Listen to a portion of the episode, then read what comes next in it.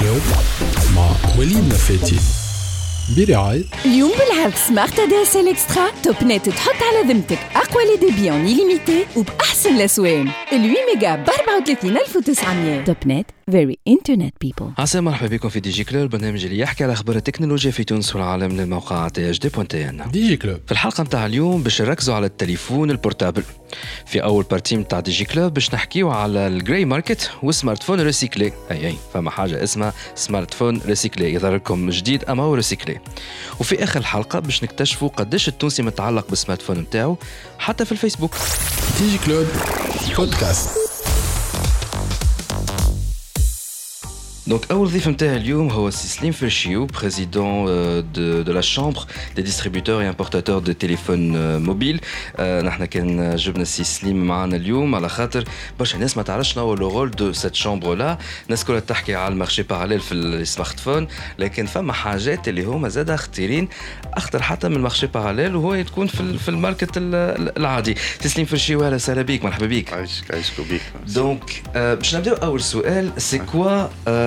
la chambre des distributeurs et importateurs de téléphones mobiles اللي عمرهم ما سمعوا بها تابعه لوتيكا سي ça Exact. Donc شنو تعمل الشامبر هذايا Alors, c- la chambre, elle regroupe tous les professionnels donc, du secteur. On a à peu près 85% des professionnels d'Erlin Marana في الغرفة. Ou, euh, et bien sûr, notre rôle, c'est c'est, euh, d'essayer d'organiser euh, le secteur euh, entre nous déjà. entre différents importateurs. Entre nous, entre les différents importateurs et euh, professionnels du métier, et essayer aussi de préserver euh, cette profession de, des intrants et des... Et charlatans aussi. Et charlatans, pardon. Quand est-ce un distributeur officiel Fitos on va pas citer deux marques, hein. juste ouais. deux. Hassan Talium, on va éviter de, parler des, marques, puisque le secteur est très très très concurrentiel. Donc, quand je un distributeur euh, officiel, Fitous, éligible ou téléphonette d'origine oh, alors, Les distributeurs, ils peuvent être 3, 4 à importer le même produit. Ce c'est pas euh, forcément un distributeur par, euh, par produit ou par marque. D'accord Mais ahna, on recense une vingtaine de personnes عنا في الغرفة. Donc, Mhm. euh, Une vingtaine de distributeurs عنا في الغرفة.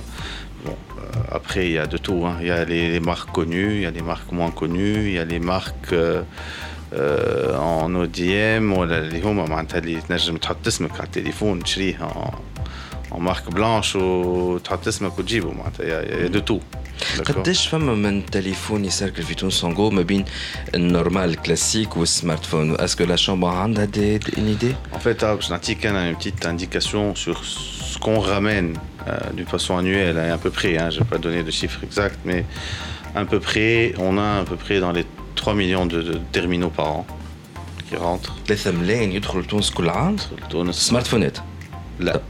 3 en tout. D'accord Ferme, on va dire euh, 70% smartphone 40% feature phone. Il faut pas oublier que c'est même ces téléphones-là. Euh, le téléphone de gel classique. Voilà, et Mazel ou Tunis. Là, on est bien, on parle bien de volume. Hein. En volume. Radin en valeur, on est à d'autres proportions. En valeur, on est beaucoup plus vers du 70-30% en smartphone. Donc, euh, mhm. la part du lion, on a les smartphones. Depuis quand ça le change ou l'accès à 50% smartphones ici au Je pense le lancement de la 4G. Le mhm. lancement de la 4G, il y a eu un, un boom euh, incroyable. Les euh, smartphones, la plus grande part. Euh, justement, euh, on estime sinon من تليفون آه، جاي من المارشي باراليل يدخل كل عام لتونس خاطر جو سي سي ديفيسيل باش يعمل واحد Les- on, احنا on peut traquer علاش خاطر احنا التليفون اللي يجي من باراليل ولا يجي من الاوفيسيال ولا منين يجي il est repéré il est, il est, il est sur la base des opérateurs maintenant ou il est activé chez l'opérateur maintenant euh, nos estimations donnent entre 30 et 35 de terminaux d'Erlin من marché parallèle قداش 30 à 30 35 30 à 35 En Et plus il nous de, est de, arri- de, de, de, de 3 ملايين آه، تليفونات يدخلوا لتونس كل عام En Ah, plus Voilà. En plus, فما عندك ما بين 750 و 900 يدخلوا من parallèle. تقريبا مليون زايد آه، يدخلوا en parallèle Et en fonction des périodes, justement. Il y a des périodes اللي يدخل فيهم أقل, il y a des périodes يدخل فيهم أكثر, etc. Donc, كما عملنا, on a eu un pic énorme. Bon, j'ai dû intervenir aussi وقتها une, des radios. il y a eu un petit blocage par rapport au, process douanier. Donc, du coup, il y a eu à peu près un mois, un mois et demi de, de blocage douanier par tous les importateurs. Les le, le parallèle, il y a beaucoup plus de pour, en termes de pourcentage de, de place. Là, on, l'a, je touche du bois, on n'a pas eu de problème de ce genre. Euh, mais il y a une régularité dans l'importation des produits euh, du marché parallèle. Est-ce que vous avez le marché parallèle bien évidemment le contrat les جايين من ليبيا جايين من الجزائر مي اسكو وقتها انا سي جوست بور لا ديفينيسيون وقتها انا جيب معايا تليفون من برا نقول مثلا جيتي اون فواياج اون فرانس وروحت افيك ان تليفون زايد عطيته بعته ما نقولش عطيته اسكو تساوي باخي مارشي باراليل En termes de statistiques, oui. En termes de statistiques, par rapport aux chiffres, oui. Donc, il inclut les téléphones et les du façon en fait. Enfin, le, le secteur officiel, on le, on le définit d'une façon très simple. Mm. Tous les terminaux qui rentrent par la douane et qui payent euh, des frais, des, droits et taxes et qui passent par un organisme qui régule notre marché, le CERT. Mm. Pour nous, c'est le marché officiel. أي حاجة تدخل لتونس غير القناه هذايا عندنا احنا سي ان مارشي انفورميل اللي نجم يكون فيه كل شيء هو ضغط كلمه السيرت ان فيت سي اون انتيتي غوفرنمونتال اللي هي تعمل لومولوغاسيون تشوف سي لوبجي اي اي دون لي نورم سولون لا زون اللي نحن نسكنوا فيها في برشا حاجات En fait, non, c'est le centre d'études et de recherche en télécommunication. D'ailleurs, je, je remercie les équipes NTEA en, en passant un comme euh, parce qu'ils font un grand travail de contrôle et de vérification. Euh, et c'est un organisme qui, euh, est très important pour nous. C'est l'organisme qui régule toute la partie technique des terminaux et vérifie ce qu'on ramène d'une façon officielle. ce qui nous permet d'avoir quand même de la qualité au niveau des, des importations qu'on fait.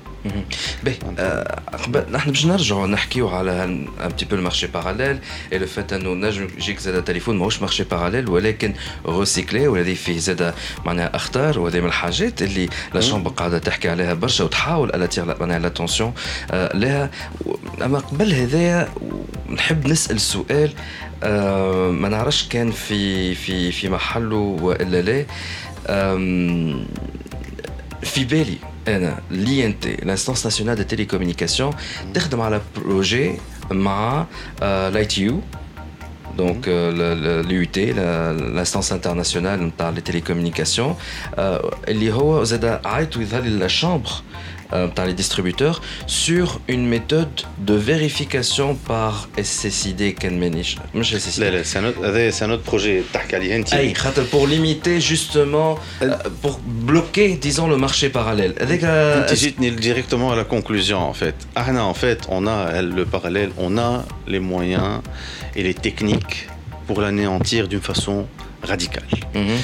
On a fait plusieurs réunions avec les instances et euh, le, projet date maintenant plus de deux Amin. ans. Voilà, l'ex-président de l'INTER, a interview, oh, il a annoncé ça à Club. Alors, euh, plus que ça, hein, le, projet a été annoncé euh, devant le chef du gouvernement, d'ailleurs, ah, il n'y a pas très longtemps, les cas où il a été lancé. Alors que bon, Lyoum, on est dans une phase euh, où le projet Khdeto, certes. D'ailleurs, justement, il a fait le tour, un petit peu le tour. Tléobi, Barcha.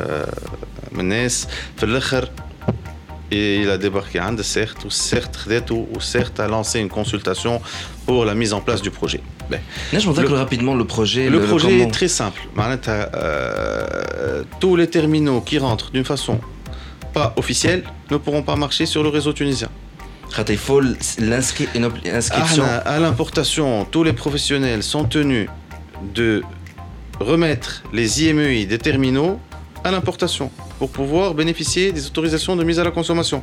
C'est un peu compliqué hein, au niveau de l'importation, mais il y a des homologations préalables, il y a des vérifications techniques. En bas, dans l'importation, il y a tous les IMEI, sont, tous les IMEI des terminaux sont remis au CERT, lequel certes fait des prélèvements d'échantillons et vérifie le, qualitativement et quantitativement les produits importés. donc cette base d'IMEI, d'autres chez les opérateurs, à travers le, CERT, moyennant une interface, d'autres, ces terminaux-là fonctionnent de façon normale. Les autres terminaux qui rentrent كيما مثلا جبت أنا التليفون ولا نقول له جيب التليفون انت عندك حل لا انت عندك حل جبت تليفون أخوك عندك حل إحنا مش هذاك نحبوا نحاربوه إحنا نحبوا نحاربوا التهريب لا خاطر فما شكون اللي يقول لك أنا جبت تليفون يا أخي هل هذايا نذكر حكايه سي هشام حتى مش فما ان كود يو اس اس دي ولا حاجة كيما هكاك دخلت في المطار عندك ان بيرو سيخ طول تقول فوالا جبت هذايا خويا نحب جو لو لانسكري في الباز دو نتاعكم أنتم باش يخدم تو سامبلومون أكثر من هكا لي زوبيراتور الآخر سو سون ils étaient volontaires à laisser toutes les agences de de نتاعهم باش اي واحد دخل فاتورته داخل من الخارج يجي سانسكري دو فاسون نورمال مش هذوما إحنا اللي اللي مقلقين سي با لي تليفون الكعبه واثنين وثلاثه اللي جابوا شاريه من برا هما ناس تصفر وتجيب في بالي اما خاطر اول حاجة يقولوا العباد آه لا لا نصفروا التوريست ريتوا الارجيومون هذا على الفيسبوك لا حتى التوريست عندها حلول موجوده لي سوليسيون كلها موجوده حتى التوريست ما تقصش عليه باش تقص عليه التليفون يخدم على روحه فهمتني؟ لو توريست يخدم على روحه تليفونه اون رومينغ ما فما حتى مشكلة. لا يقول لك ما مش رومينغ يدخل تليفون وحاط فيه لي بوس فودافون باغ اكزومبل جاي توريست هنا في تونس. دوبل سيم خذا بوس من تونس. خذا مثلا عند أريد ولا من تونيزي تيليكوم دخل ريت البوتيك اريد يدخل لها بتليفونه يسانسكري عندها ويحط البوس نتاعو ويخدم على روحه. تخي بيان جاوبنا العباد اللي ديما يخموا بالفاسون هذيك وتعرف أنت علاش. دونك نمشيو مارشي باراليل دونك شفت لا سوليسيون عندنا عندنا لا سوليسيون en elle est sur la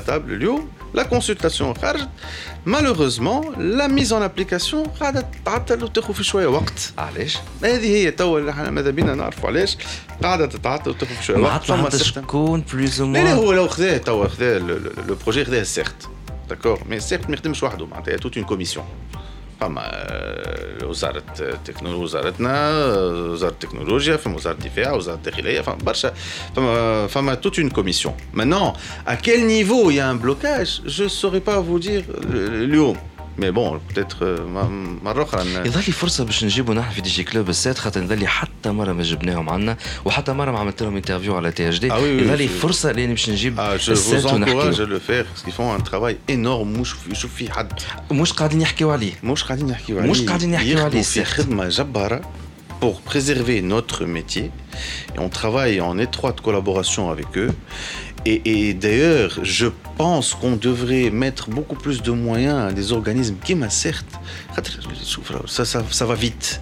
La technologie va vite. Le, le, le, les équipements, euh, je ne sais pas, je, me trompe peut-être, mais ces équipements-là doivent être mis à jour. Il y a des investissements à faire pour recycler euh, les équipements du CERT. Il y a des formations, même si on a des formations.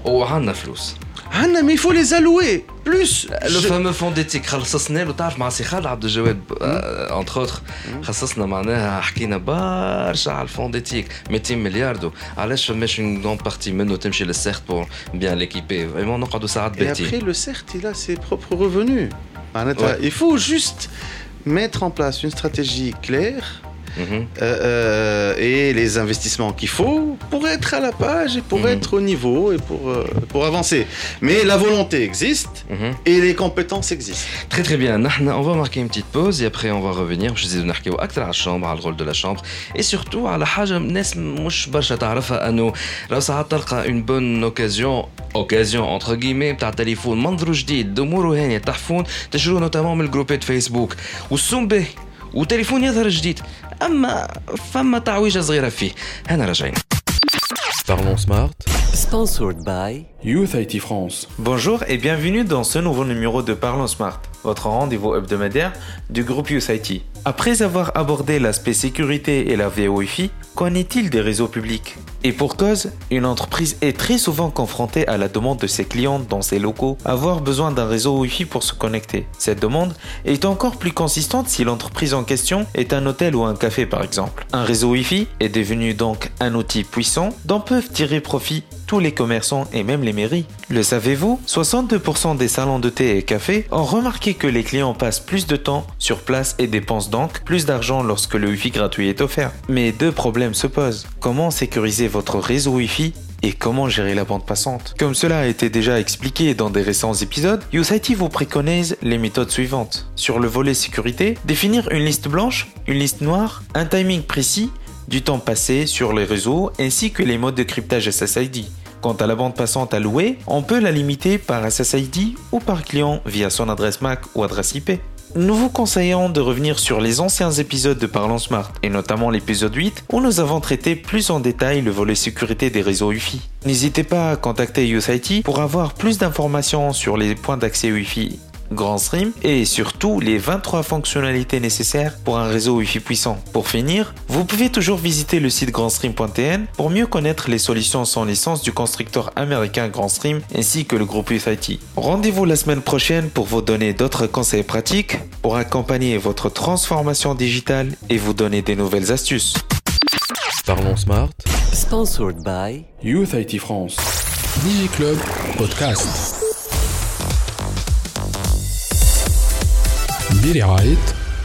Topnet, very internet people. رجعنا معكم في دي جي كلوب دونك الضيف نتاعنا هو سي سليم فرشيو بريزيدون دو لا شامبر دي امبورتاتور اي ديستريبيوتور دو تيليفوني موبيل دونك قبل البوز حكينا على لو رول دو سيت شامبر لا وحكينا على الرول نتاع السيرت اللي يعمل لك لومولوغاسيون زاد حكينا على ان سيرفيس بيانتو اللي ان شاء الله نقولوا ان شاء الله يتلانسا في تونس اللي هو بور ليميتي لو مارشي باراليل اي افيك ان كود يو اس اس دي تولي ما يخدم لك ان اوبيراتور في تونس voilà, c'est un verrouillage par IMEI. Il est d'une façon légale. Voilà.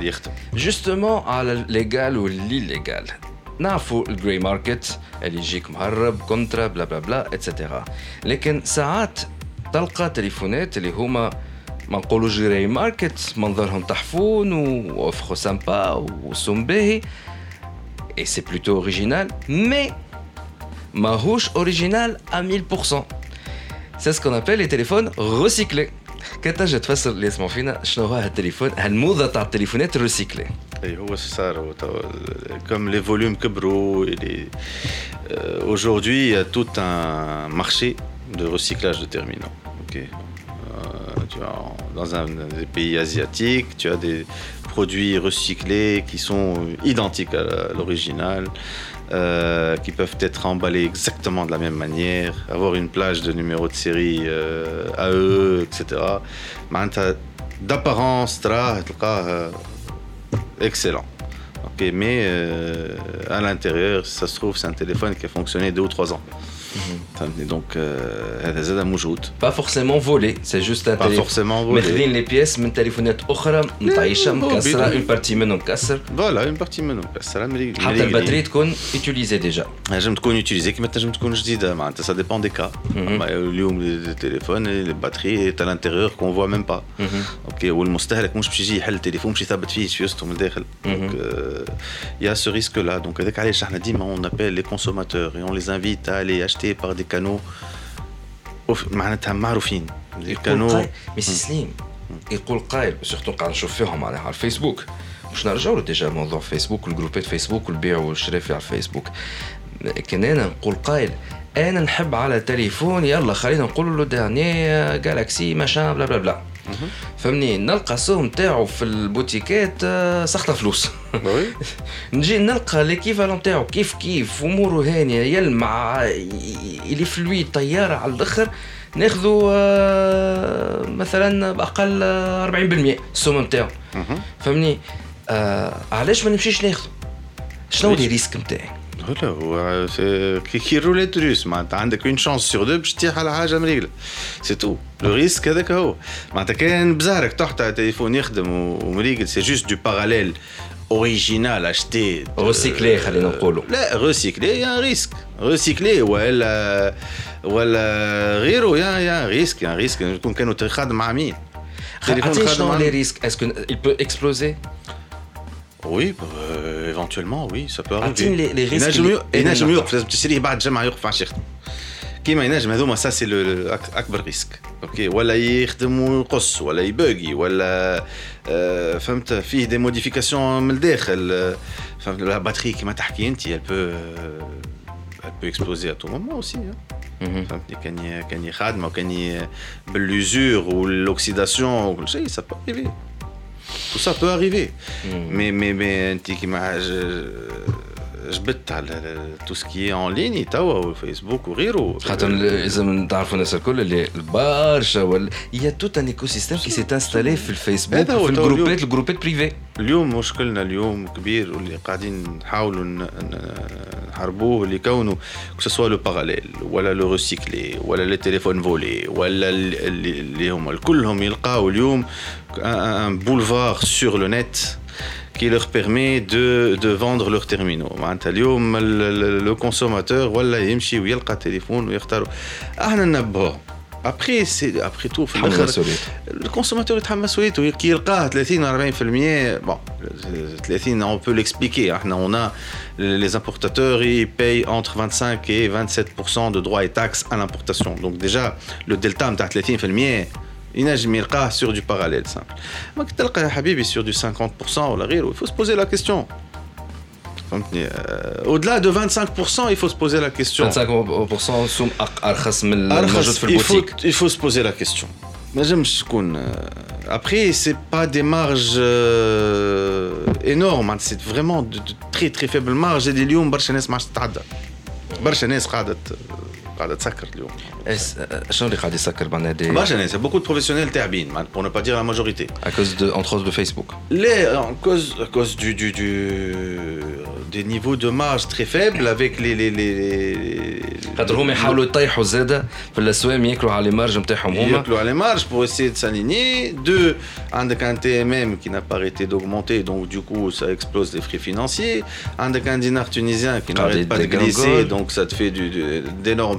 pertes de change عندك 30% TVA في الدوان عندك هذوكم بون ليميت تخليهم فيكس مي هذوما الكل سي دي دي فينومين عندك redevance 5% كي يكون ان اوبيراتور هو اللي باش تشري من ان اوبيراتور دونك سي دي كو اللي طلعوا سورتو سنه اللي خلاو برشا ناس تعبه برشا ناس برشا ناس تعبه Par ailleurs, est-ce que ريت le président de la fédération d'éthique مشى قبل لجنة المالية في البرلمان.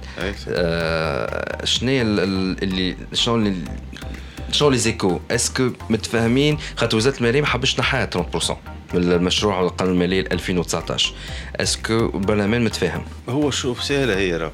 أنت تجي أنت من شيره فما فما تناقض كبير. من شيره تجي تقول نحب نشجع. العالميه والتكنولوجي والديجيتاليزاسيون وكل شيء ونجي من الشيره الاخرى معناتها لو بتي بواتيي بازيك اللي تحط في الدار بور افوار دو الانترنت جيت اون لو تاكس ا 30% سي سي انكويرون حتى التليفونات زاد ولا les, les, les, smartphones, euh, ils allaient l'année dernière être touchés, ah, mais n'ont pas été touchés. Ah, D'accord. Mais les routeurs, les switches, les, tout ce qui est équipement, l'équipement pour avoir de l'internet a été touché a été taxé à 30% hmm. donc on va dire trop les ingénieurs c'est normal si les, les, les opérateurs économiques dans ce domaine là terminent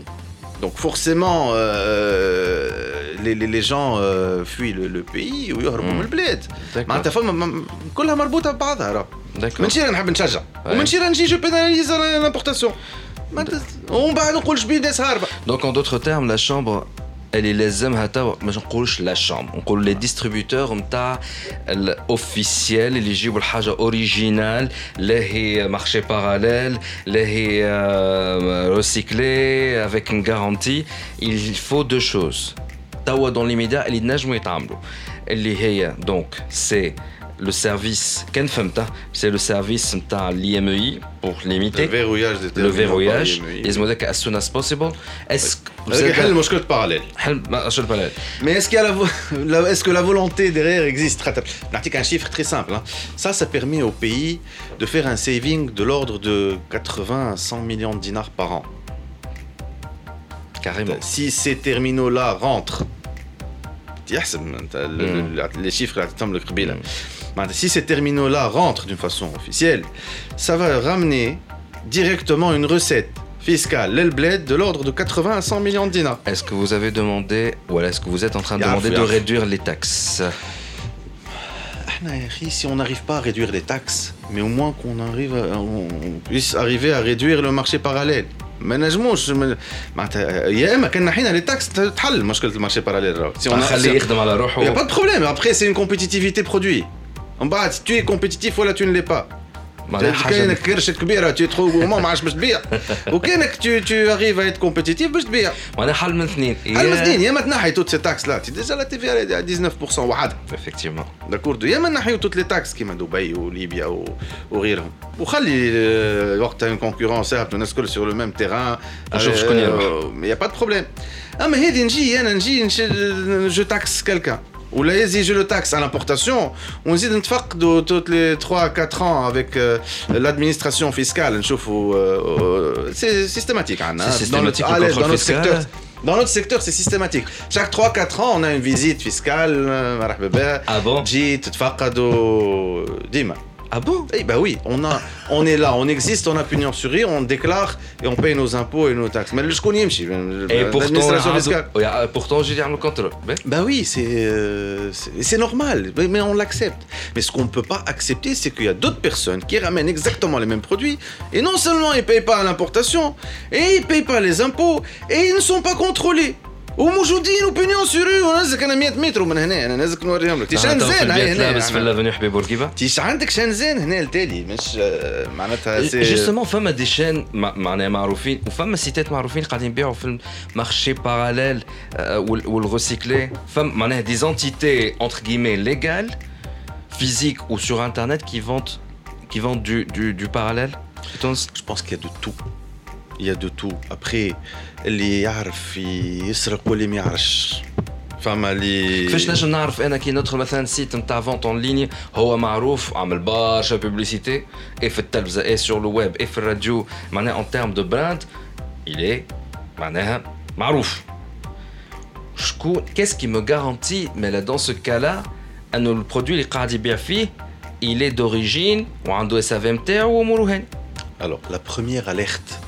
c'est le prix.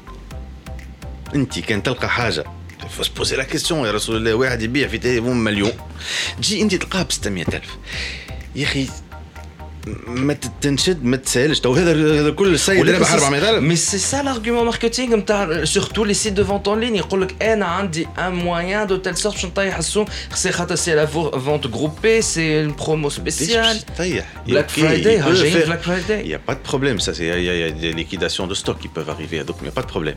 Mais un Gini sur un produit de lancement, et Massar, pour ne pas citer il y a, il y a- il y a quelques mois, un lancement, même pas Sar في تونس آه. وصار في التلفزة. نذكر واضح. نجم نذكر أنا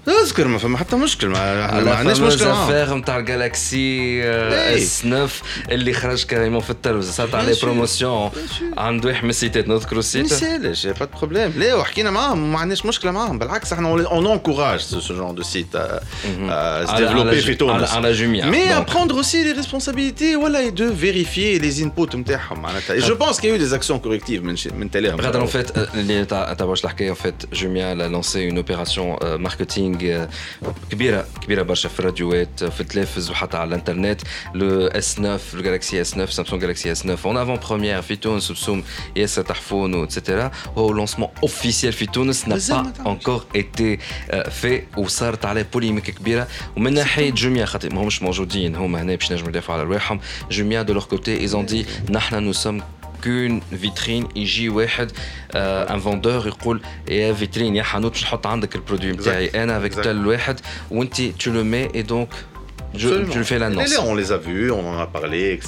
Mais bon, après, ils savaient pas, هما ils devaient juste vérifier les inputs نتاعهم وبرا. En plus, لازمك تعرف حاجة اللي التليفون هذاك بالذات و توت لا جام نتاعو اللي عندك درابو تونس في التليفون ما انت تعرف ديجا كان ما عندكش درابو تونس على الباكو سي كو il est pas il est pas ramené euh, il est pas dédié tous les il est pas téléphones- destiné à la Tunisie. est-ce que tous les téléphones toutes les marques قاعدين يتابعوا في سامسونج في انه يحطوا الدراب تونس لا ماهمش يتبعوا mais اللي يدخل d'une façon légale il est censé être euh, euh, aux normes par rapport aux exigences de la Tunisie. Est-ce que moi, comme consommateur, j'ai la possibilité, de la chambre, bah, j'ai n'importe quoi. Il y a chambre euh, de, des importateurs et distributeurs de téléphones mobiles. cette offre-là à l'internet. Est-ce qu'il est original ou est? Est-ce que vous avez ce genre de service? Je pose la question. On l'a pas, mais ça peut être envisageable. C'est-à-dire que c'est une idée là que tu soulèves. Ça peut être une très très bonne idée de mettre à disposition un numéro vert pour essayer d'orienter les clients et les consommateurs vers euh, le, le- les produits de qualité. on va dire. خاطر السيستم انا على الفيسبوك قاعد نشوف vraiment je vois des trucs très intéressants Ouais, et et et معناها لا تصير هناك فما دي تيرمينو هما بيدهم سي دي ريفيرونس هما بيدهم يجيو لهنا اللي تونس مثلا exige des normes de qualité اللي d'autres pays ne- n'exigent pas donc du coup on peut avoir exactement la même référence avec des des des des, des, des spécifications techniques différentes ونعطي في هذا اكزامبل نوتامون على حكايه الكات جي على خاطر هي لا 4 جي ديفوزي سور ديفيرونت فريكونس يظهر لي 1800 900 ميجا هرتز و 2000 2004 2004 مازال ما ما نون با اكتيفي في تونس بالنسبه ل 4 جي كم شغلت ال تي او اور الزون نتاع لازي ني با لي ميم معناها دابخي لاي تي يو Eh, Donc- euh, les bandes, désolé, مهم- معناتها c'est pas vraiment ce qu'on a nous هنا les سميت هم انت c'est pas vraiment ce qu'on a في تونس بقينا كل بلاد و وعندها لي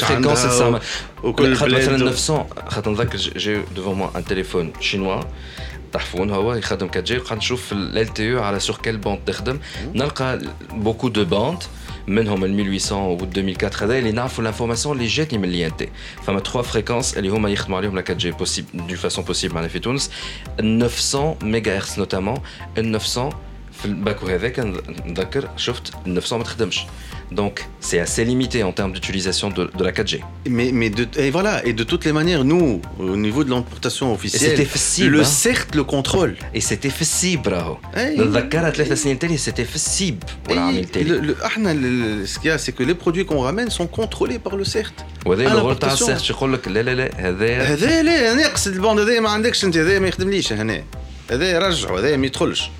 الوغ كو يدخل من الباراليل ولا يدخل من دوت كانو تعرفش عليش يسطو من الداخل Effectivement. Là, on va marquer une petite pause et après on va revenir avec Sislim Feshiou, euh, président de la Chambre des importations, euh, des importateurs et distributeurs de téléphonie mobile. Et là, on va parler euh, en général de- de- du secteur de téléphonie mobile Fitons. Hana Rajaina.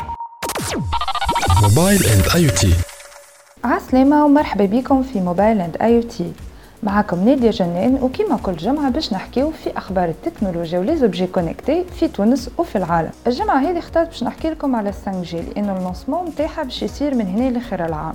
Plusieurs entreprises استعدوا d'ailleurs لللونسمون هذايا en investissant des milliards et des milliards في الريشيرش والديفلوبمون وحضروا رواحهم avec des équipements et des technologies adéquates. من جملة les entreprises هذوما نذكروا par exemple Intel اللي elle a annoncé la commercialisation d'une puce 5G pour accompagner la prochaine génération de smartphones. لكن السؤال يبقى هو شنو هو الفرق ما بين ال 5G ولي تكنولوجي الأخرين كما ال 4G وال 3G وال 2G.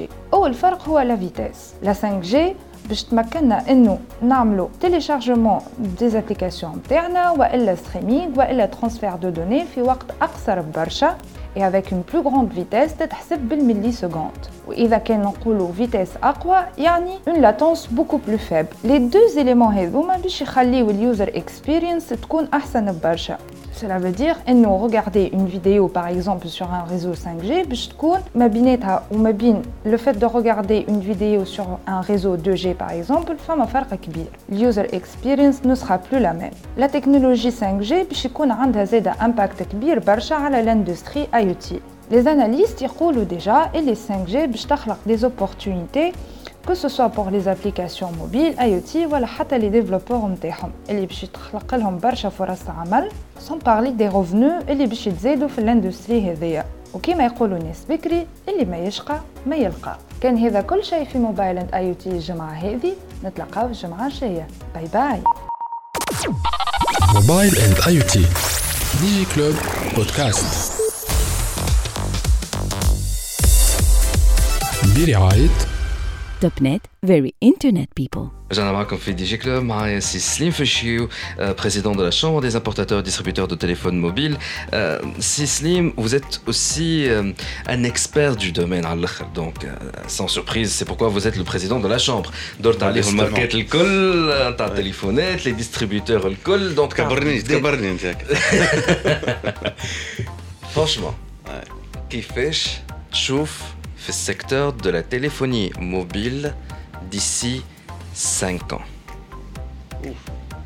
grande question Ou à la Barça d'ici 2 ans les, les- les- les deux ans il y aura des changements pas, pas, pas énormes mais je pense 2 à, 2 à 5 ans je pense que le, le- le- tout va être géré par un smartphone je pense. le Est-ce qu'il smartphone va sera- disparaître? Non, non, je pense pas.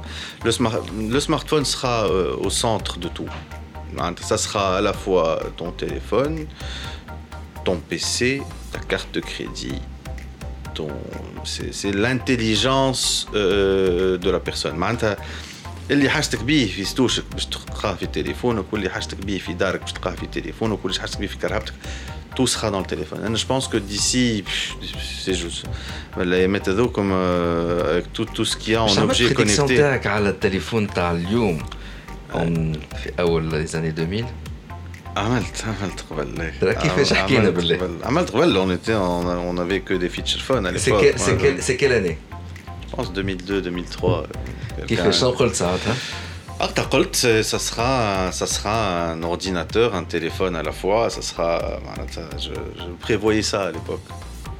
Et on était parti sur ça. Hein, c'est ce qui s'est passé. Bah.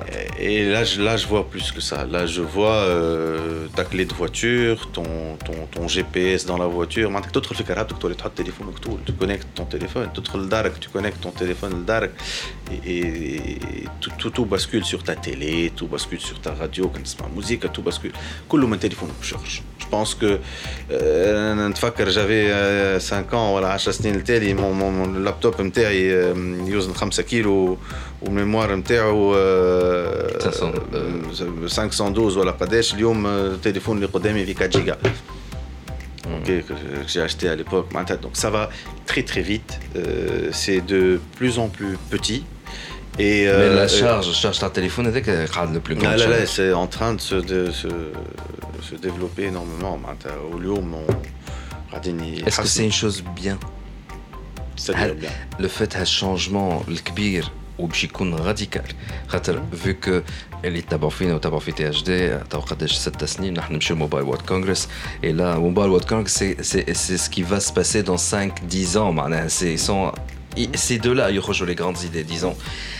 اي هذا كله دونك حكينا فيه اللي اللي قاعد صاير توا لا 5 جي لا يو تي اتسيتيرا فما شكون اللي جاي قال c'est un changement radical. Et je le pense moi aussi. C'est un changement, changement radical. Et les oui, khaouf, surtout s'il n'est pas réglementé, surtout avec cette intelligence artificielle, etc.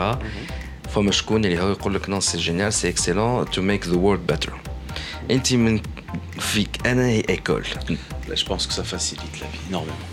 it will make the world better Absolument. مش il deviendra قالوها قبلنا راهو التليفون مش اللي يخوف و- هذا mais avec يخوف. la couche intelligence artificielle c'est slim Arrive, on doit devoir euh, mettre les garde-fous nécessaires pour euh, éviter tout débordement au cas où. Il y a mal l'intelligence artificielle doit être capable de la contrôler aussi. C'est, c'est, c'est ça. ça si ça a été créé par l'humain, l'humain doit pouvoir contrôler. Quel est votre conseil? Ça va être la dernière question. Peut-être l'avant-dernière. Euh, les startups, nous avons beaucoup de startups qui, qui étaient développeurs, euh, des ingénieurs qui, qui, nous suivent, qui nous écoutent, ou qui lisent THD, puisque le podcast après, il est accompagné par un article qui fait euh, le round-up de l'interview à la THD.tn. Je le message, les comme opportunité Ah, je- je- très simple. Ils doivent penser à l'utilisateur et comment simplifier sa vie. Tout simplement. Tout simplement. À partir de là, toutes les idées vont tomber. معناتها آه، يخمم انا كيفاش كي باش نخلط الك- هنا الكرهبتي ناخذ لو شومان لو بلو كور ولا كيفاش نحل كرهبتي من غير ما ندخل يدي المكتوبي باش نجبد مفتاح ولا كيفاش جو في انكلانشي ما فواتور ولا فوار ما ديستيناسيون ولا اللي هو tout, tout qu'est-ce qui peut faciliter la vie du consommateur Ils partent sur Grâce ça au téléphone. grâce au téléphone et les objets connectés. À partir de là, toutes les idées vont, vont Ont la tomber chance de réussir. et, euh, et le- leur projet peut réussir.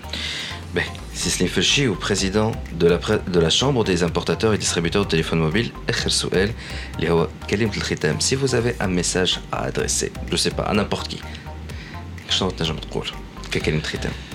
شنو نجم نقول نجم نقول اللي اللي اللي تونس معبيه بال بال les jeunes euh, génies je dirais on a on a on a des génies الحق تاع ربي معناتها ال- التونسي آه عندي انا معروف بالذكاء نتاعو معروف باللو جيني نتاعو et on a énormément de matière qui malheureusement اليوم قاعده هاربه منا وهاربه وماشيه ailleurs على الأدمغة على la fuite des ingénieurs, Voilà. etc. Les Lyon, autres admirants. on a la possibilité de faire d'énormes, une énorme croissance fait Tunis, grâce à Au tout ce mobile. qui est IT, qu'il soit Ah. mobile ou à l'IT d'une façon générale. Et tous ces développeurs-là, Qu'est-ce qu'il faut faire alors Honnêtement, ils peuvent sortir de très très très bons produits et ils peuvent faire de très très belles choses. Où est le blocage hmm, Il y a l'encouragement, le c'est toute une machine, c'est tout un, S'occuper de cette ونشوفهم دايوغ أنا نشوفهم أنا سامحني اللي يخرج اون ابليكاسيون ولا يخرج اون ايدي باش تلقاه في في في الي ولا باش تلقاه في في بلاصه أخرى يحوس وعامل ان ابيل دو فون وستارت اب ومشات وبدا يخدم معناتها مالوغوزمون سي سا اليوم اون با لي ميكانيزم بور le mécanisme نحكيو على فلوس لي دو حكيت من دونك سرير. كل شيء كل شيء حكايه معناها في يد شكون؟ وزارة الشؤون الاجتماعية وزارة إيه، إيه. المالية وزارة البريزيدونس ماشي ماشي باغيت ماجيك ولا المانجمنت تاع الشركات. لا لا سي تو سي كل شيء. المنظومه كلها لازمها تبدل دون سو سونس اليوم ولات كلها اونلاين كلها لازمها تخمم دون سو سونس ميم لا فيسكاليتي اللي با جور كل شيء كل شيء كل شيء كل شيء لازم يسمي ا جور بارابور ا سا سا فا تري تري فيت وهاربه بينا Malheureusement, hein, Herbapine. Et avec l'IoT, la prochaine vague de l'IoT, 5G, ça va être pire. Il y a des produits qu'on achète et qu'on revend virtuellement, qui ne passent ni par la douane, ni par rien du tout, qu'on voit même pas. Bah, c'est, c'est, ça va très très vite et malheureusement, on est en retard. Est que on est très en retard. Est-ce que la Chambre, elle était par le quand elle faire des séances de comment l'appeler. Au niveau de la fédération, on est en train de faire euh, beaucoup Au niveau de la RP Management pour de le la fédération, mathalan, on travaille au niveau de la fédération, la fédération d'éthique. On est en train de faire beaucoup, beaucoup, beaucoup de belles choses dans ce sens. Le, tout ce qui est digitalisation, le le, e-banking, le, le, e le paiement euh, euh, électronique, le, le, mobile payment, le, monde, l'économie sans papier, etc. On est en train de faire beaucoup de choses, on est en train de faire beaucoup de, forums et de, et de séances, que ce soit Anna ou l'Albarra. pour sensibiliser aussi bien les institutions que le, le consommateur tunisien. Et l'ARP et les, professionnels. L'ARP aussi. On est en train. Oh, Salem était à l'ARP euh, euh, euh, il a fait une intervention dans ce sens-là aussi. C'est un, un levier énorme. Et les bled, malheureusement, mais ça a été tout comme il مالوغوزمون ماهيش عطيته قيمته كما يلزم مم. عرفوها كان فلوس تعطيني برك ان تاكسي ونزيد ندخل منه باش فلوس تدخل اليوم باش تدخل اليوم داكوردو مي تو دو انفستير اليوم في حاجه اللي تنجم تدخل لك سور البروشين جينيراسيون Mhm. Très très bien. Cécile Fauchi, président de la Chambre des importateurs et distributeurs de téléphones mobiles Tabar Lutica, ou Fédération d'éthique bien entendu. Merci beaucoup d'avoir accepté notre invitation. Euh, donc, euh, Nahna, on va marquer une petite pause et on revient tout de suite avec le deuxième invité. A tout de suite. En direct d'Alger. Bonjour, bonjour. en direct d'Alger avec Abdelafir Nifsa. Lancement prochain des travaux de réalisation d'un technoparc à Oran. Un technoparc, c'est intéressant. Les travaux de réalisation du futur technoparc d'Oran seront lancés prochainement, a annoncé récemment le d'Oran, Mouloud Sherifi. Ce projet, dont les études sont en phase de finalisation, sera livré avant le début des Jeux méditerranéens qui seront organisés en 2021 dans cette ville de l'ouest du pays. A-t-il précisé en marge d'un sommet sur la Smart City tenu dernièrement. Une assiette foncière de 10 hectares située à Belgaït, banlieue d'Oran, a été allouée à ce projet a bénéficié d'un investissement initial de l'État de l'ordre de 1 milliard de dinars algériens. Ce projet est appelé à développer la création de start-up de la région et à créer un certain nombre d'activités dédiées aux sociétés de technologie de l'information et de la communication et l'éthique. Le rôle des infrastructures est de créer un écosystème en mesure d'assurer aux chercheurs et aux porteurs de projets que dans le domaine des TIC, les moyens nécessaires pour réaliser. Sud algérien, vers la numérisation de plus de 35 000 manuscrits des bibliothèques locales. Donc, entre 35 et 40 000 manuscrits conservés dans les bibliothèques traditionnelles du sud algérien devraient être numérisés, a fait savoir récemment le ministre de la Culture, M. Asdin Mihoubi, indiquant qu'il était impossible à l'heure actuelle de recenser le nombre exact des manuscrits sauvegardés dans ces bibliothèques et que ces services s'employaient à en déterminer le nombre exact. Il a appelé les propriétaires de ces bibliothèques à collaborer avec les services culturels spécialisés pour leur permettre de procéder à l'entretien, le recensement et la numérisation de ces manuscrits. M. Mihobi a fait savoir également que la loi 0498 sur la protection du patrimoine culturel est en phase finale et prévoit les dispositions particulière pour le traitement de ces manuscrits. Constantine, assise nationale sur la biotechnologie en décembre. La ville de Constantine abritera en décembre prochain la première édition des assises nationales sur la biotechnologie. Cette rencontre qui se tiendra au Centre de recherche en biotechnologie CRBT de la ville de Ali constituera une opportunité pour établir un état des lieux réel sur tout ce qui a été fait dans l'ensemble du domaine de la recherche en biotechnologie.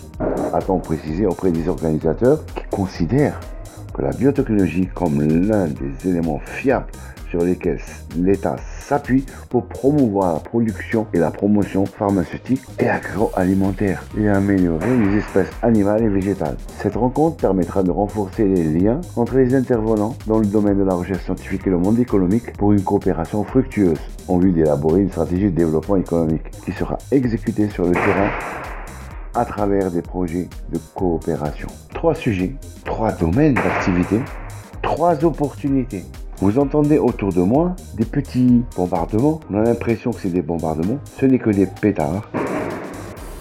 Parce que nous sommes en pleine période de Mouloud. Bonne écoute. Merci de m'avoir écouté. Et à la semaine prochaine. En direct d'Alger avec Abdelrafir Khanifsa. En direct d'Alger. Club Podcast. برعاية توب نت فيري انترنت بيبل رجعنا معكم في دي جي كلوب في آخر بارتي من الحصة آه، جاتنا ضيفة. جاتنا قبل ديجا في دي جي كلوب مدام إحسان بن منصور ديريكتريس ماركتينغ دو ميديانات أهلا وسهلا بك.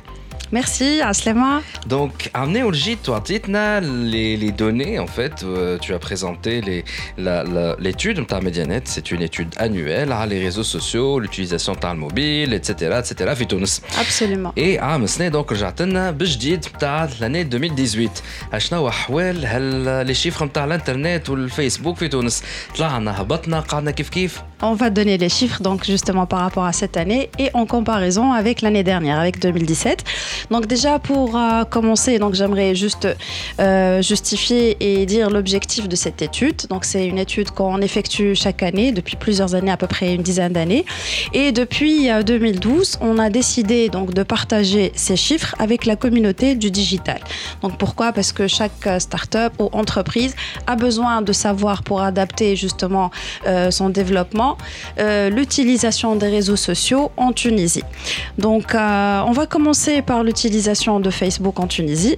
Cette année, on a 7 600 000 كونت فيسبوك سوا عاملين توانسه على الانترنت على فيسبوك على الفيسبوك خاطر باش نعطيو فيسبوك باش نعطيو لينكد ان باش نعطيو انستغرام بربي قداش عمناول هكاك عمناول سيتي 7 مليون 365 000 ما طلعوش برشا ما طلعوش برشا par contre le pourcentage euh, par rapport à la population donc le pourcentage il est de 66% معناها 66% من البوبولاسيون عندهم دي كونت فيسبوك تعرف دابا منبر على معناها عندنا تقريبا 70% ما يعملوا في حتى شيء اي وي دونك ان توكا لو شيفر ما يكذبش دونك سي 66% لي شيفر هذوما جوست باز باش يسالوا عباد منين خديتوهم سي منين هو كي تجي تشوف معناتها سي دو دي دوني معناها من الفيسبوك معناتها مي اون ا plusieurs plateformes on a on a mis des outils pour euh, analyser tout ça et pour les collecter معناها c'est toute une équipe euh, qui معناتها ça prend du temps pour faire euh, ce genre de entre autres Facebook euh, et aussi la source de Facebook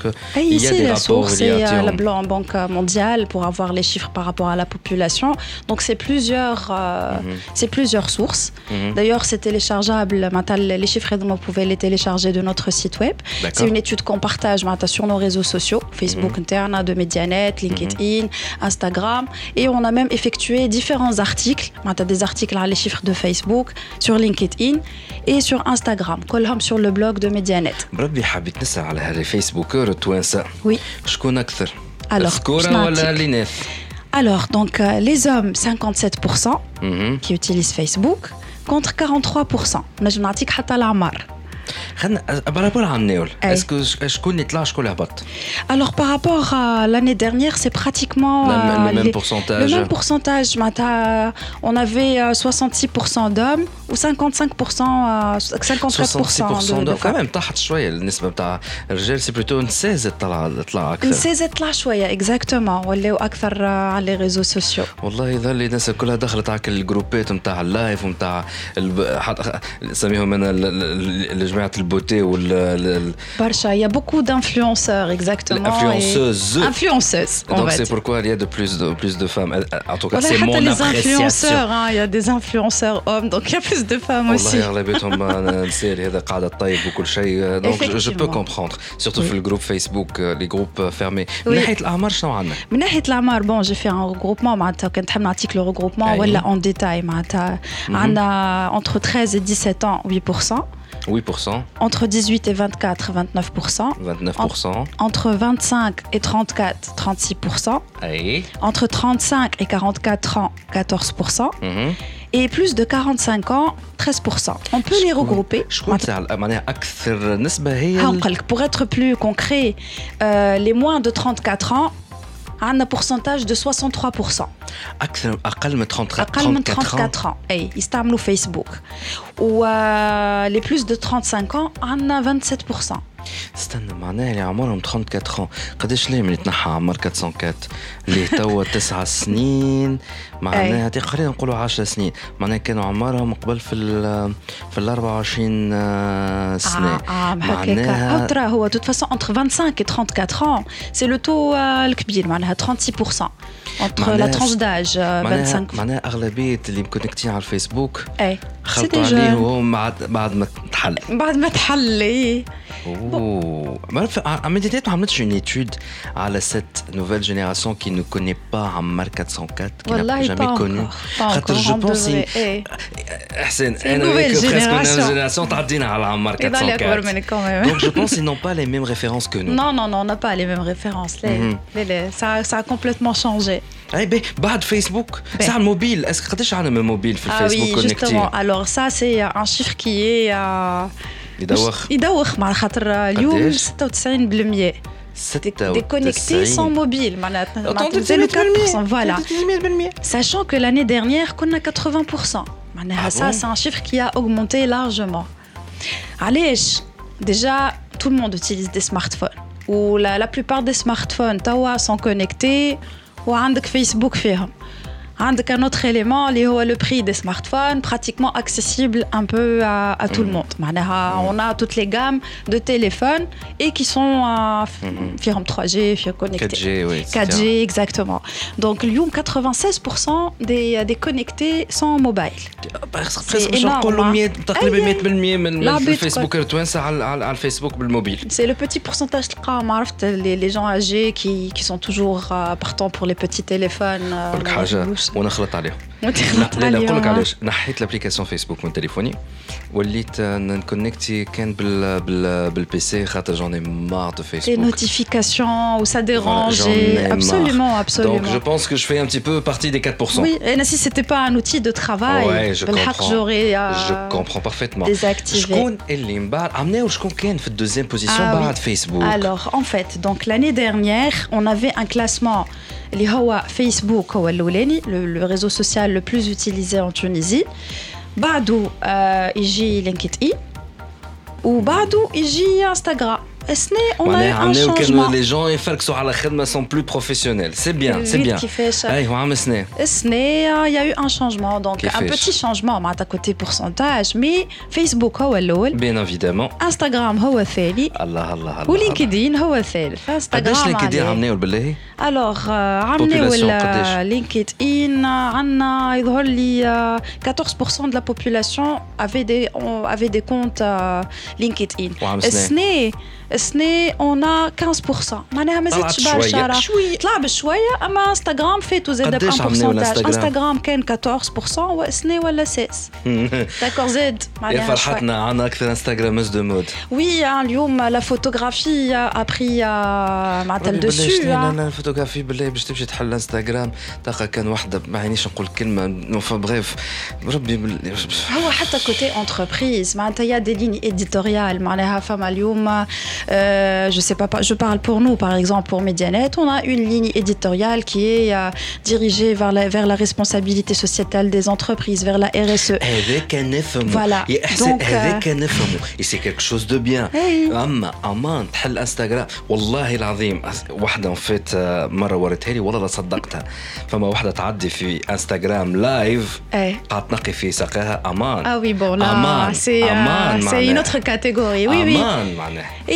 Et oh, c'est vrai que c'est devenu à la limite euh, saoulant, on va dire. على خاطر آه، معناتها ي- c'est pas tout le monde qui sait euh, وعلاش كي قلت لي utiliser هكا les قلت réseaux لك عندي sociaux. تقول ouais. كلمه زوقي وانا ندبهم معناها Oui, فما برشا صغار معناتها il y a beaucoup de, de jeunesse qui aiment la photographie, qui donc اليوم Mais il faut معناتها une عمل certaine selfie, limite il y quand a même. une Il faut certaine certaine limite, limite oui, quand même. oui. On va dire احنا هذيا pourquoi معناتها l'étude هذيا on va se focaliser plus pour les entreprises. Yes. معناتها خاطر اليوم on va dire une boîte euh, par exemple معناتها je dis n'importe qui, vend de l'huile d'olive, hmm. elle peut utiliser le canal Instagram pour mettre en avant ses produits. Oui. Euh, les jeunes ou euh, pourquoi ils utilisent les réseaux sociaux?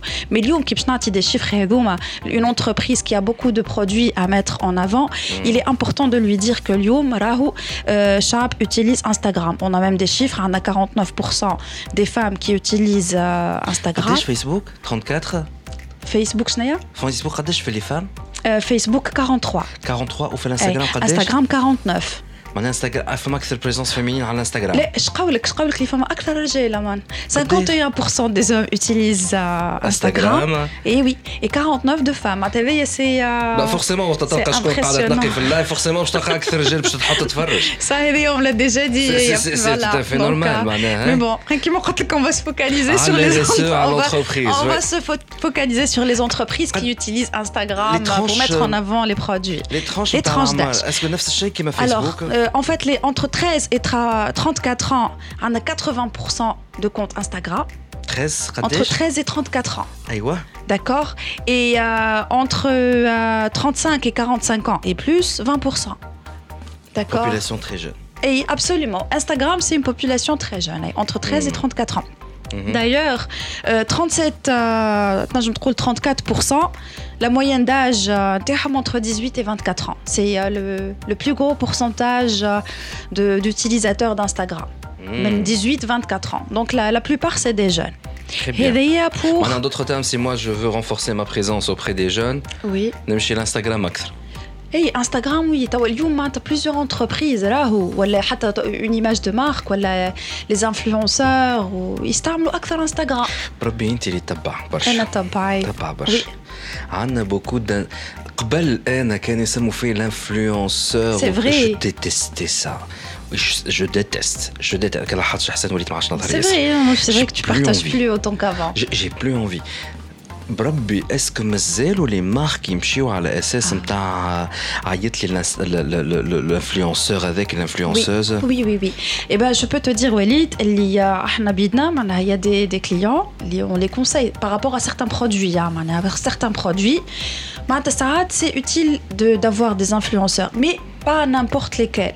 معناتها faut vraiment معناها Est-ce qu'elles sont analyser. sérieuses slash sérieux قلت ces لك influenceurs pas- maintenant مش الكل راهو مش الكل خاطر هون نقول لك علاش يا دي انفلونسوز كي تيست دي برودوي معناها مش اليوم باغ اكزومبل اون اوتر مارك فا لوي بروبوزي حاجه بلو معناتها ان بري اغلى باش تمشي معاها في الخط معناتها يا دي انفلونسوز كي ريفوز لو برودوي معناتها ال لو تيست اتسيتيرا معناتها يا دي انفلونسور كي كي اون اون بلو فاليو معناها elles ont un يحبوا لا impact كاليتي معناها يحبوا عندهم لا ليماج كاليتي نتاعهم سي دو فوالا. سيريو اكزاكتومون راهو زاد هما بيدهم ils perdent de leur crédibilité كي اليوم مثلا تحكي لك على une marque وغدوه معناتها une marque concurrente va la contacter pour mettre en avant son produit et le lendemain elle va parler de- ربي de- d'un- أحسن. d'une marque Est-ce qu'il y a- concurrente ما نعرفش سو دومين أي. بعت عليه أنا عندي انستغرام مي سي بور دو بولو راني متبع حتى واحد أي. على الفي- على الانستغرام عندي بوكو دو فولوور مي جو سوي بيرسون أي.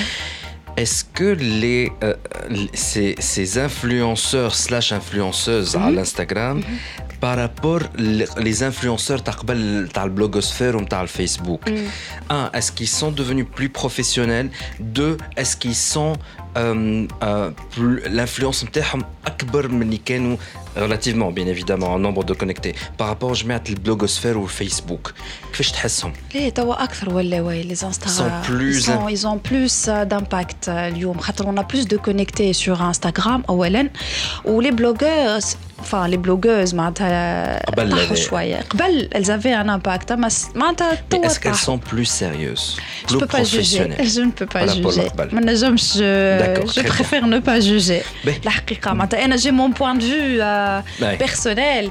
Mais j'en connais qui sont sérieuses. Elles sont dans la crédibilité, elles sont dans le test du produit.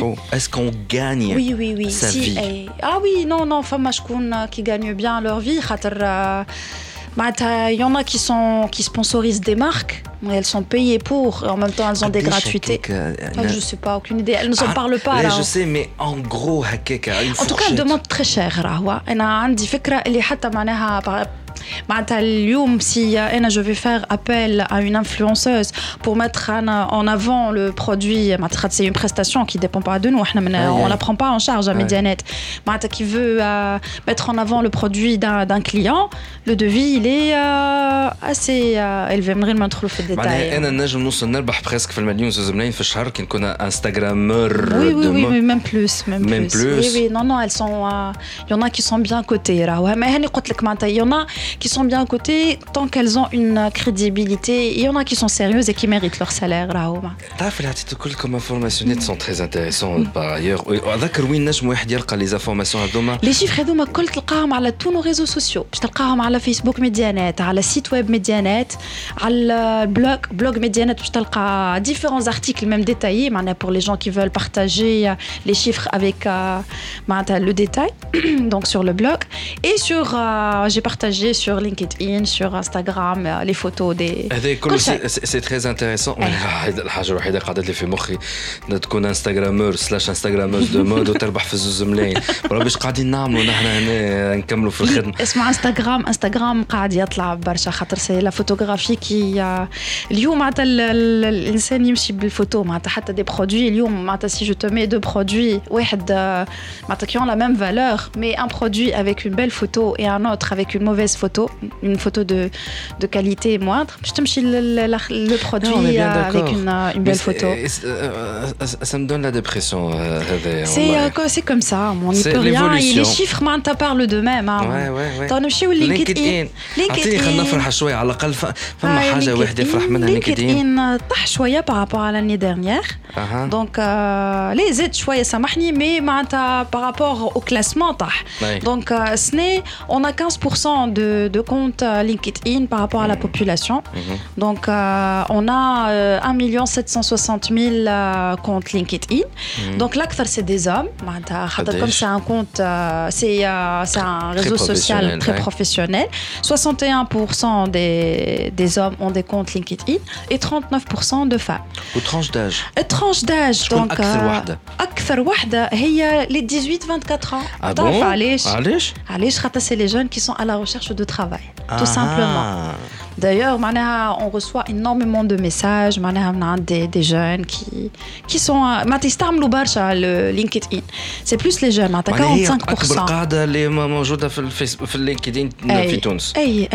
Mais LinkedIn, c'est un réseau social qui évolue beaucoup. Euh, c'est un réseau euh, professionnel. On peut l'utiliser pour rédiger des articles, pour le, le, partage. C'est juste qu'en Tunisie, il n'est pas beaucoup utilisé, mais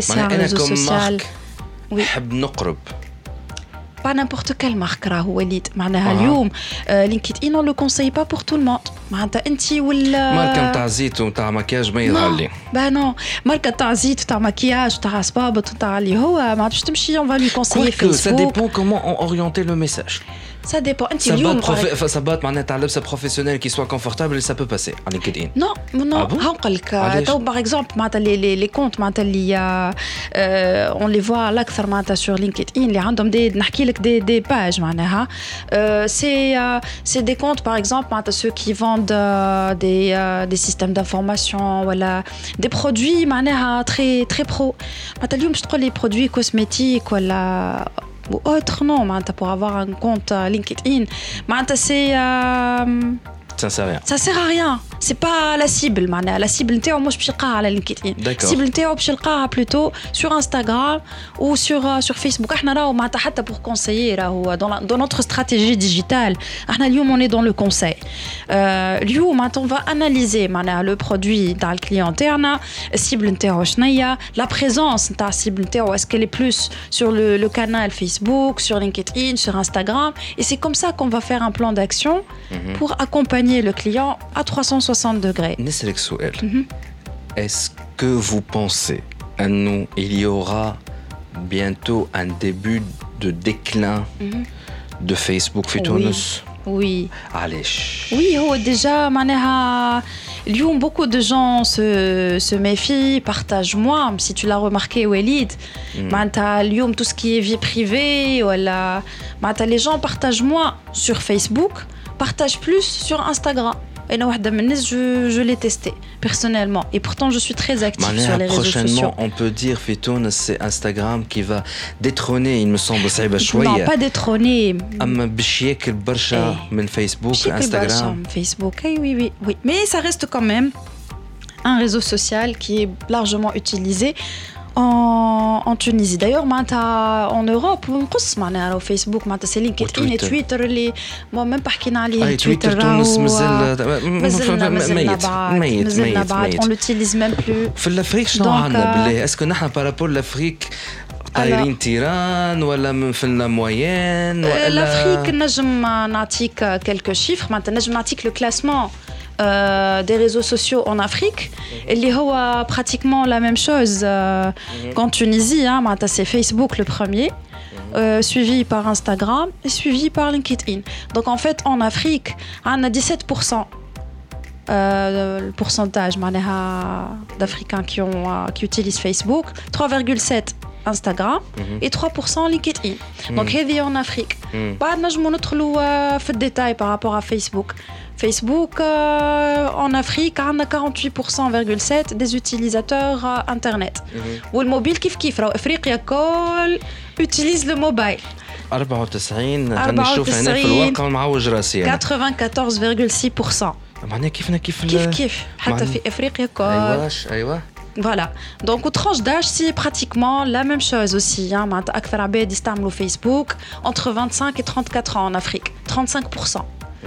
Heavy pour l'Afrique. Donc c'est un message les startups finalement maintenant le marché tunisien et ah, nous sommes dans l'Afrique. Nous sommes dans عندنا l'Afrique. برشا عباد راهم ناسين اللي نحن on dirait surtout تاع العاصمة ils pensent vraiment que nous Ah, non, sommes non. euh, euh, européanisés أكثر من لا لا اللازم. لا لا اليوم احنا باغ اكزومبل معناتها ميديانات on travaille beaucoup euh, en Afrique معناتها notre cible c'est l'Afrique il y a beaucoup de marchés il y a beaucoup de travail à faire Donc, Donc, il faut pas ignorer orientez-vous ça. أكثر tant que نحن نشبون mais c'est tout à fait Bien normal nous sûr. sommes des Africains. absolument Pensez au marché africain Africain. يهديكم يهديكم يهديكم voilà يجعل من حالكم ما فماش حاجة أخرى.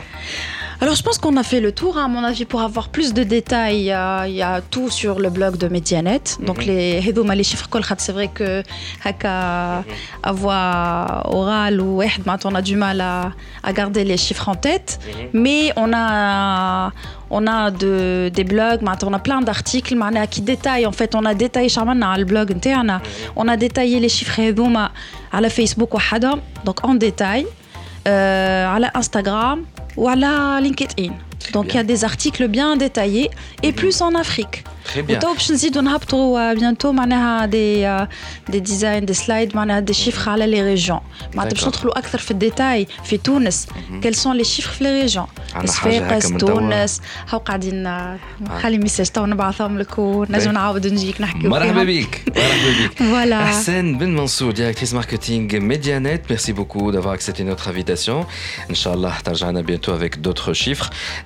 نحن هذا اللي عنا اليوم إن شاء الله است- استمتعتوا ديجا واستنفعتوا بالحلقة نتاع اليوم. آه، نرجع لكم لا سيمين بروشين. باي باي. ديجي كلوب مع وليد نفاتي برعاية اليوم بالعرض سمارت دي اس ال إكسترا توب نت تحط على ذمتك أقوى لي ديبي اون ليميتي وبأحسن الاسوان ال 8 ميجا ب 34900 توب نت فيري انترنت بيبل